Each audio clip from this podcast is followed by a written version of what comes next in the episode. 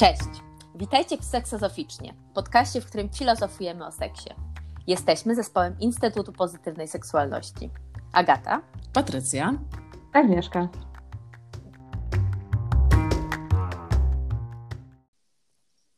czy się za, jak się zabrać do trójka? Jak się zabrać do Mhm. trójkąta? No, mi się wydaje, że ym, gdzieś takim głównym pytaniem, które bym sobie postawiła, to jest pytanie o własną gotowość. Czyli zanim zacznę myśleć, czy będę rozmawiać z kim, na ile, o co zapytam, co, co poruszyć, to w ogóle właśnie własną gotowość wejścia w ten cały proces. I dalej, jeżeli identyfikuję w sobie taką gotowość, no to za nią gdzieś bym poszła i zaczęła zadawać następne pytania. Czy to jest coś, co ja właśnie potrzebuję mieć super przegadane, żeby mieć poczucie bezpieczeństwa, żeby różne rzeczy sobie rozjaśnić i tak dalej? Czy ja mam taką właśnie gotowość, że już mam to swoje poczucie bezpieczeństwa w tym i teraz jadę, robimy, jest fajno. Czyli jakieś takie sprawdzenie w sobie wewnątrz, bo wyobrażam sobie, że jakieś y, dobre umiejętności zarządzania nieprzewidywalnymi sytuacjami się przydadzą tak czy inaczej. Czy będziemy gadać, czy nie będziemy gadać, to i tak fajnie by było mieć jakieś podstawowe takie, taką umiejętność bycia w tej sytuacji, widzenia co się dzieje, czy już jesteśmy ok, czy właśnie wszyscy są jakoś w miarę tam, gdzie chcemy być wspólnie i w ogóle. A na ile będziemy to realizować przez słowa, to, to jest jakby, wydaje mi się, trochę osobna kwestia. Dla niektórych będzie potrzeba więcej słów, dla niektórych będzie potrzeba mniej. No, W zależności od potrzeb. Cześć! Witajcie w drugim sezonie Seksozoficznie. Cześć! cześć. Z tej strony Agata, Agnieszka i Patrycja. Jesteśmy zespołem Instytutu Pozytywnej Seksualności. No i spotykamy się w tym gronie, żeby móc em, rozkminiać, zastanawiać się, jakoś otwierać różnego rodzaju pojęcia, krytykować niektóre modele. No i em, zaznajamiać Was i siebie nawzajem ze światem współczesnej seksuologii. No i w dzisiejszym odcinku, bo już trochę o tym myślałyśmy i stwierdziłyśmy, że okej, jest, było już trochę tych podcastów, w których, w których była mowa o e, ménage à trois, czyli o trójkątach, ale my też chcemy. To znaczy, chciałabyśmy się zastanowić nad fenomenem, nad zjawiskiem, skąd ta ekscytacja dookoła trójkątów. I w ogóle, co to znaczy trójkąt właściwie? Co, że się kładziesz stopami do kogoś i głową i potem i, jakoś tak tworzycie figurę geometryczną? Mm. Mhm. I- Im bardziej równoboczna, tym lepsza i takie różne. Musisz szukać wprost proporcjonalnie długich partnerów, partnerek. Mhm. Wiecie, co jest też dosyć ciekawe, to my też w sumie jesteśmy takim trójkątem. Wspaniała obserwacja, Patrycja. Rozwiń, rozwiń, Patrycja, no, jak to rozumiesz? Bo ja teraz chcę wiedzieć więcej. W odniesieniu o tę ekscytację, to też tak sobie myślę, e, w ogóle pojawia mi się od razu taki wątek, wiecie, e, to jest e, już tak politycznie, nie? Od razu, to tak demokratycznie, no bo e, w sumie już możemy zacząć dyskutować, możemy się ze sobą zgadzać lub nie zgadzać, możemy mówić, ok, skoro są dwie osoby, które są na tak, a ta jedna jest na nie, to czy chcemy to robić, czy nie chcemy tego robić? E, więc to też tak sobie myślę, że to od razu też wprowadza pewną dynamikę jakąś w tych trójkątach, nie? No I tak, w sumie, ale to, to jak, jakby jeszcze nas tutaj pociągnąć, no to my jesteśmy takim trójkątem, który się tak zgrał w, wspólnie. To znaczy, że żeśmy się wybrały i tak to wyszło, ale sobie wyobrażam, że no nie wiem, no to, jak tak o, w seksie to część, rzadziej się spotyka tak trójka i tak, się- tak się kompatybilnie jest w stanie zsynchronizować, tylko spotyka jest jakaś para albo dwoje kochanków, kochanek i nagle stwierdzają, ha, albo jedno, albo obydwoje zaczynają coś kombinować, albo obydwie, nie? Że o, fajnie by było coś tutaj no, z tiruriru. drugiej, no z, chociaż z drugiej strony, czy z naszym podcastem nie było trochę tak samo? Tak wiecie, to był jeden z tych momentów, kiedy się spotkałyśmy, zaczęłyśmy po raz kolejny rozmawiać i tak tiruriru, może zrobimy podcast. No właśnie, na przykład ja jestem ciekawa, jakbyście nas e, miały opisać matematycznie, to my byłybyśmy, byłybyśmy trójkątem 2 plus 1, byłybyśmy trójkątem 1 plus 1 plus 1, czy byłybyśmy trójkątem o, o cyfrze 3? Bo to jest takie coś, ja, to, ja sobie tak, tak jakoś e, próbuję rozkminić właśnie te różnice w, w tym, jak trójkąty działają między ludźmi, takie miłosno-seksualne. Czy to jest trzy, w sensie te trzy osoby tworzą jakąś taką, wiecie, mocną figurę geometryczną, która jest w pewnym sensie scaleniem tych trzech osób, czy to jest 2 plus 1, czyli para plus ktoś, czy to jest 1 plus 1 plus 1, czyli jakoś trzy jednostki, które gdzieś właśnie wchodzą w jakąś interakcję, ale cały czas są bardziej jakoś zindywidualizowane w tym. No ja w myśl tej twojej, Agnieszka, wielokrotnie już tutaj powtarzanej współniezależności, ja nas widzę jako jeden, jeden i jeden, że każda z nas nosi osobną jakość, ale wspólnie tworzymy właśnie ten piękny trójkąt, już nie wiem jak on wychodzi, jeżeli chodzi o równość ramion, ale on mi się, on mi się tutaj tak jawi, tak bardzo symetrycznie. symetrycznie. Mm. Ja mam chyba podobne odczucia, Agnieszka, tak jak powiedziałaś. E, chociaż też e, czasami mam też takie wrażenie, że jest to trochę dwa plus jeden, nie? Bo jakby was widzę po jednej stronie i ja mam wrażenie, że ja jestem po tej drugiej stronie, nie? No bo każda z nas nagrywa ze swojego własnego miejsca, więc z drugiej strony takie trochę czasami jest dwa plus jeden, nie? I tak też ja mam momentami takie, ok, przyglądam się, przysłuchuję temu, co mówicie. E, czasami na coś wpadnę, czasami jestem tak zaciekawiona, że generalnie w ogóle się nie, nie odezwę, e, ale jednak uczestniczę cały czas w tym trójkącie, nie? Więc e, to też tak sobie myślę, że to tak jak w życiu i w tych seksualnych trójkątach, nie? Że czasami coś mi się podoba, czasami mam na coś ochotę, Czasami w sumie to może nie do końca mam ochotę, ale może trochę tak będę uczestniczyć z boku i to będzie dla mnie wystarczająco okej. Okay. E, a czasami chcę się aktywnie w tym odnaleźć i, i wtedy trzeba jakoś do tego podejść. No właśnie, no bo my tu mamy takiego fuksa i sobie jesteśmy w tym trójkącie i tutaj wszystko jest super, ale co w momencie, kiedy y, tak jedno chce, a jedno nie chce, albo w ogóle zaczyna nam się w ogóle jawić, tlić w głowie taki pomysł i czy sądzicie, czy czujecie, że, czy, czy macie doświadczenie, czy to jest taka prosta sprawa, żeby taki trójkąt sobie zorganizować? Ja znam takie hmm. historie, że wiecie, że sobie tam są ludzie na imprezie, śmiechy, chichy, wszystko jakoś tam, nie wiem, jest jakaś, jakiś potencjał, po czym właściwie seks wisi w powietrzu, pada explicite propozycje i nagle wszyscy patrzą w stopy, w czubki swoich butów i, i nagle, a ja już muszę iść do domu, a tutaj alkohol, a tam dziewczyna na mnie czeka. No i po trójkącie, no. Hmm. Ja, I być może jakby się tego nie nazwało, to kto wie, czy tam by się coś nie wydarzyło.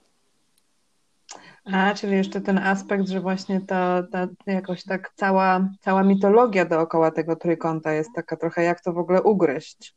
Hmm. Może być powstrzymująca.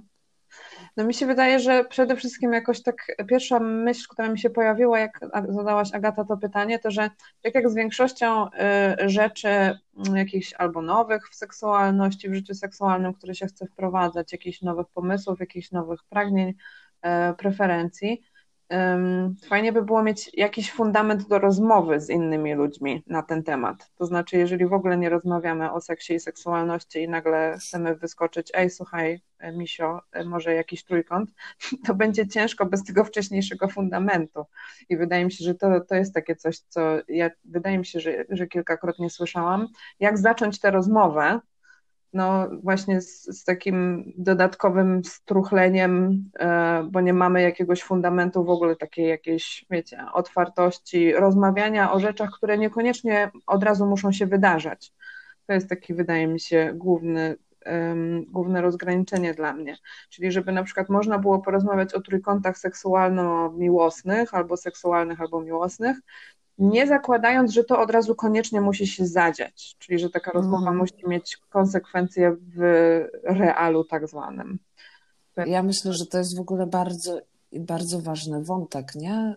Y, mianowicie, że czasami dobrze jest, żeby rzeczywiście fantazja, czy w ogóle fantazjowanie, myślenie e, o samym trójkącie e, faktycznie mm, mm, bardziej w ogóle oswoić się z tym w kategoriach w ogóle fantazji, fantazjowania i że w ogóle to się pojawia, aniżeli od razu przechodzić właśnie do realizacji, czy chęci, czy nawet konieczności, nie? Że też e, ta rozmowa nie musi od razu, nie musiałaby od razu zakładać właśnie tego, że my w ten trójkąt wejdziemy, tylko w ogóle czasami możemy sobie porozmawiać, e, pooglądać, nie? E, bo też tak sobie myślę, że trochę wprowadzanie czasami na przykład pornografii też może stanowić taki trójkąt, nie? Jesteśmy my i telewizor, my i ekran. E, e, więc Fajne jakby... to. No, przepraszam, skończ, proszę. No, więc też tak sobie myślę, że to trochę jest tak, że właśnie chyba też to gdzieś tam, to co się dzieje teraz i to, o czym też rozmawiamy, trochę mi też pokazuje, że ta dynamika samego trójkąta jako takiego może być też różna, bo to nie musi być osoba, e, to może być też zabawka, to może być właśnie ekran, to może być, e, nie wiem, wskakujący do łóżka zwierzak e, lub cokolwiek jeszcze innego, które akurat przeszkadza i po prostu trzeba coś z tym zrobić. Dzieci nie? za ścianą. Na przykład. Tak, ale ja, ja właśnie no dobra, to wszystko jest w sferze właśnie tej hipotetyczno-fantazyjnej, no ale powiedzmy, że już to mamy za sobą, jesteśmy zdeterminowani, zdeterminowane, że chcemy ten, tego trójkąta jednak mieć. Bo, no, bo jak mówiłaś, to sobie pomyślałam, okej, okay, są tacy ludzie, którzy mają właśnie to impulsywny pedał gazu, że jak sobie coś pomyślą, to idą za ciosem i, i dopóki nie spoczną, dopóki nie uczynią. Ale raczej większość ludzi, zwłaszcza zresztą ci, którzy trafiają na warsztaty, czy znaczy może nie na warsztaty, to nawet jest grupa dosyć odważna, ale tak, tacy, co trafiają na terapię, to są osoby bardzo często, które gdzieś ten element wstydu, właśnie element hamulców, takich właśnie zahamowań związanych mm, z, z, z widzeniem więcej zagrożeń aniżeli korzyści z takiego zagadnienia, więc dużo łatwiej jest wymyślić, co pójdzie nie tak, jak się możemy wtedy skompromitować, no nie wiem, zakazić się po prostu już nie od jednej albo, ale od dwóch osób infekcjami drogami, drogą przenoszoną płciową. A co jak zajdziesz w ciążę i nie będziesz wiedziała z kim to się wydarzyło? Na przykład, jak już tak straszyć mam. A co jeżeli nasz partner mówi, partnerka mówi deklaratywnie, że jest super, a potem post factum się okazuje, że nie. A co jeżeli było super i nagle my się czujemy, tak jak ta Samantha, która została przez y, Richarda, a przez młodszą kochankę prawie, że wyrzucona z łóżka. Że właśnie mm, można tutaj nakombinować rzeczy, które będą właśnie y, jakby nie dopuszczą nas w ogóle do tego, żeby poczynić krok. A jak sobie myślę o takich reprezentacjach filmowych, no to tutaj przychodzą mi do głowy dwa scenariusze. Albo właśnie taki scenariusz przegadany, taki właśnie ustaliliśmy i teraz robimy taki, idziemy na ryby, czyli włączamy aplikację i logujemy się jako para i aktywnie szukamy, albo jesteśmy na imprezie, no i szukamy, to znaczy, że któreś wychodzi jakby na łowy i wraca z potencjalną ofiarą i wtedy ta kobieta czy mężczyzna się okazuje, aha, to nie jest tak, że zostałam poderwana, poderwana przez jedną osobę, ale tutaj jest pakiet, nie? Albo jest akcja spontaniczna, kiedy po prostu jest taka atmosfera, że nagle nic tego nizowego w ludziach, ludziom w oczach się zapala iskra i się zaczyna tutaj dziać akcja, nie? I pytanie właśnie, czy co, co z tym zrobić, jeżeli, czy, czy, czy za ciosem, czy właśnie wtedy trzeba, trzeba się zatrzymać i zastanowić. To jest tutaj moje pytanie. Czy, czy ta fantazja, czy to y, przegadywanie i fantazjowanie wcześniejsze jest wymagane? Ja myślę sobie, bo tak właśnie jak zaczęłaś o tym mówić, nie, to y, z jednej strony fajnie jest i wiadomo, te aspekty samoświadomościowe, to co też podkreślamy, pytaj siebie, y, zadawaj sobie pytania, od, znajduj odpowiedzi, szukaj tych odpowiedzi. E, czasami jest ok pytać siebie, ale czasami rzeczywiście też mam tak, no właśnie, a co w tej sytuacji, kiedy tak stoimy, patrzymy w te czubki butów i generalnie mamy na coś ochotę, ale w sumie zaczynamy myśleć i tak sobie myślę, że w sumie zadanie kolejnego pytania będzie już czymś nie okej, okay, albo w ogóle cały, cała atmosfera gdzieś pójdzie daleko, a mi zależy na tym, żeby ją uchwycić, e, to chyba nie są łatwe rzeczy. No, jakby jak, jak, jak, jak, jak słyszę takie pytanie, czy coś trzeba albo czy jest wymagane, to od razu mam ochotę odpowiedzieć, że nie. że oczywiście, że nie trzeba i oczywiście, że nie jest wymagane, ale potem się zaczynam zastanawiać nad tym, co tak naprawdę chcę powiedzieć. No więc właśnie. Wiecie co, mi się wydaje, że to jest trochę mm, jakby jest ileś warstw tego. Jak sobie myślę, no dobra, wejdźmy w to impulsywnie, zróbmy to to wcale nie oznacza, że um, gdybyśmy się zatrzymały i zaczęły myśleć, to, to, to, to jakby całe przedsięwzięcie miałoby lepszy, lepszy wynik. Może wejście tak po prostu będzie dawało nawet lepszy wynik niż jakbyśmy się zatrzymały. Jakby nie ma takiego z, z, z gruntu z, mm, y, dowodu, że jak się zatrzymamy i zaczniemy rozmawiać, to coś będzie miało lepszy wynik niż, niż gorszy jakby jasne, no, komunikacja super ważna, fajnie i zwykle jak gdzieś tam konstruktywnie działamy, to, to może być wspierająca. E, mi osobiście bardzo się podoba to, co powiedziałaś, e, e, Agnieszka, mianowicie w ogóle zadawanie sobie pytania, dlaczego ja tak właściwie chcę się w tą aktywność zaangażować nie? Po co mi to jest, czemu to ma służyć i w jakim celu chcę to zrobić? Czy to jest tylko i wyłącznie moje że faktycznie chcę to sprawdzić, chcę tego doświadczyć i chcę to zobaczyć, czy to jest znowu jakaś taka, jakiś taki podryw mainstreamowy, e, bo wszyscy to robią, bo to wielkie o, bo ten orgazm i dążenie za tym i generalnie kto nie ma trójkąta w swoich e, w doświadczeniach seksualnych i w swojej biografii seksualnej, ten nic nie wie jeszcze o tym, jak to się w ogóle robi. No właśnie, to pomyślałam sobie, że właśnie jakie to mogą być motywacje czy intencje, po co ludzie w ogóle decydują się na, na trójkąty. Albo co, co chcą tym ugrać. Bo pierwszy pomysł to przypomina, przypomina mi się różnych znowu motyw filmowy, że ktoś chce komuś dać w prezencie. Nie? Że to jest coś, o czym para kiedyś tam rozmawiała, i teraz jest to jakaś taka forma właśnie uszanowania albo, albo jakiegoś takiego przypomnienia, że tak, ja Ciebie wtedy słyszałam, słyszałem i wiem, jakie to dla Ciebie jest ważne, czy, czy być może deklaratywnie wydawało się to coś, co, co, co dla Ciebie byłoby ważne, więc chcę jakby wyjść naprzeciw temu i uczynić się szczęśliwszą osobą. Hmm. Hmm. No, jeżeli mówimy o parze, która jest z zasady w relacji monogamicznej, no to jest takie trochę właśnie chwilowe otworzenie się na jakąś wersję niemonogamiczności seksualnej, na jakąś wersję e, więcej niż jednego partnera, partnerki seksualnej przez całe życie. Więc wydaje mi się, że takie osoby, z którymi ja pracowałam, które są w relacjach monogamicznych w takim sensie, że zakładają, że są ze sobą, jak się uda, to do końca życia, czyli na przykład następne 30 lat, no i na, na jakimś etapie pojawia się właśnie takie, czy taka rozmowa między nimi, czy, czy my chcemy być e, już z nikim innym seksualnie do końca życia. Może, może identyfikujemy tę potrzebę jeszcze jakiejś eksploracji swojego, swojej seksualności w relacjach z innymi ludźmi, ale jesteśmy cały czas ze sobą i, i chcemy, żeby to był element tej, jakiej, tego jakiegoś poszukiwania, więc zróbmy to razem. To jest taka jakaś jedna historia, która mi się wydaje, że gdzieś jest mi znajoma z opowiadań.